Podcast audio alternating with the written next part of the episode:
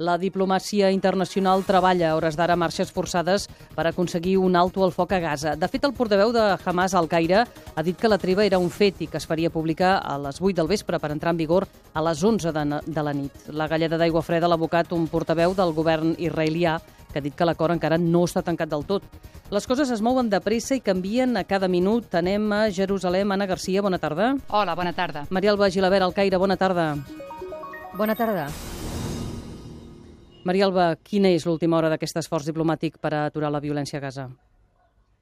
Seguim pendents que se'ns concreti a quina mena d'acord s'ha arribat i sota quines condicions.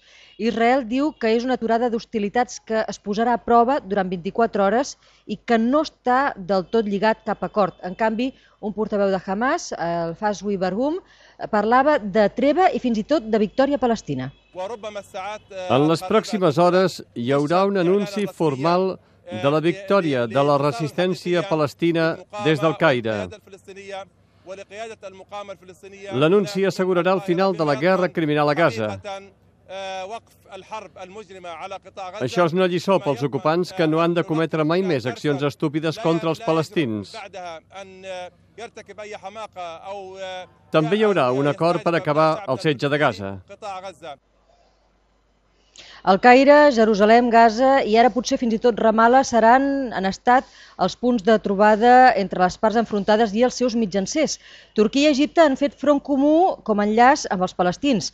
Les Nacions Unides han fet de pont amb Israel i els Estats Units s'han implicat a fons per evitar un desastre. Un desastre que, segons el ministre de Sanitat de Hamas, de Gaza, ha fet en aquesta setmana d'enfrontaments fins a 126 morts i un miler de ferits.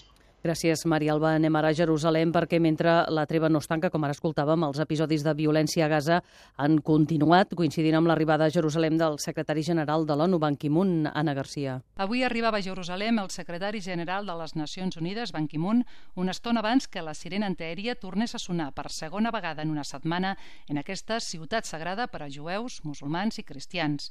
En el terreny diplomàtic, el final del conflicte sembla a prop, però sobre el terreny la sensació era la contrària.